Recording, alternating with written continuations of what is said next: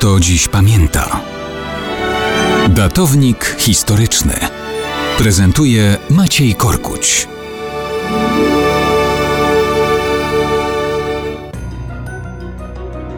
Mało kto dziś pamięta, że 29 kwietnia 1924 roku Polska pożegnała się z markami.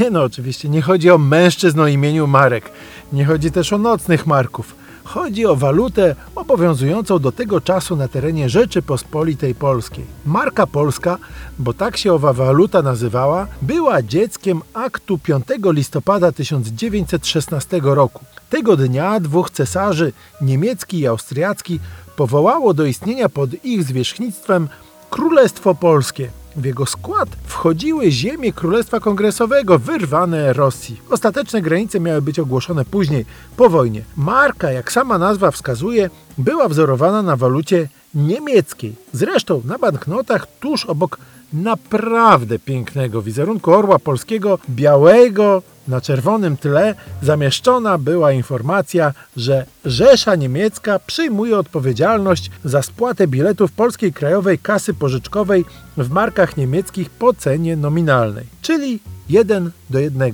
Nad datą 9 grudnia 1916 roku był podpisany zarząd generał gubernatorstwa warszawskiego, czyli niemieckich władz okupacyjnych. Jedna marka odpowiadała żelaznym stu fenigom. W listopadzie 1918 roku odradzająca się Polska przejęła pełną kontrolę nad Polską Krajową Kasą Pożyczkową, drukującą owe marki.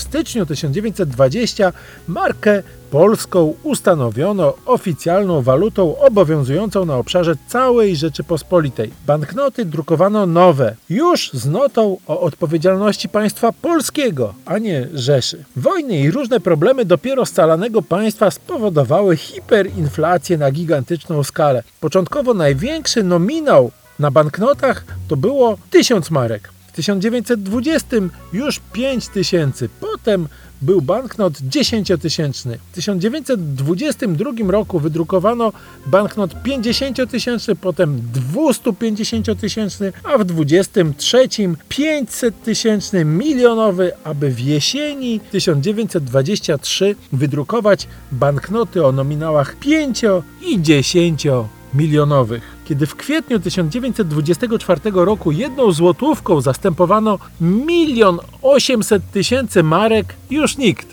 za nimi nie płakał.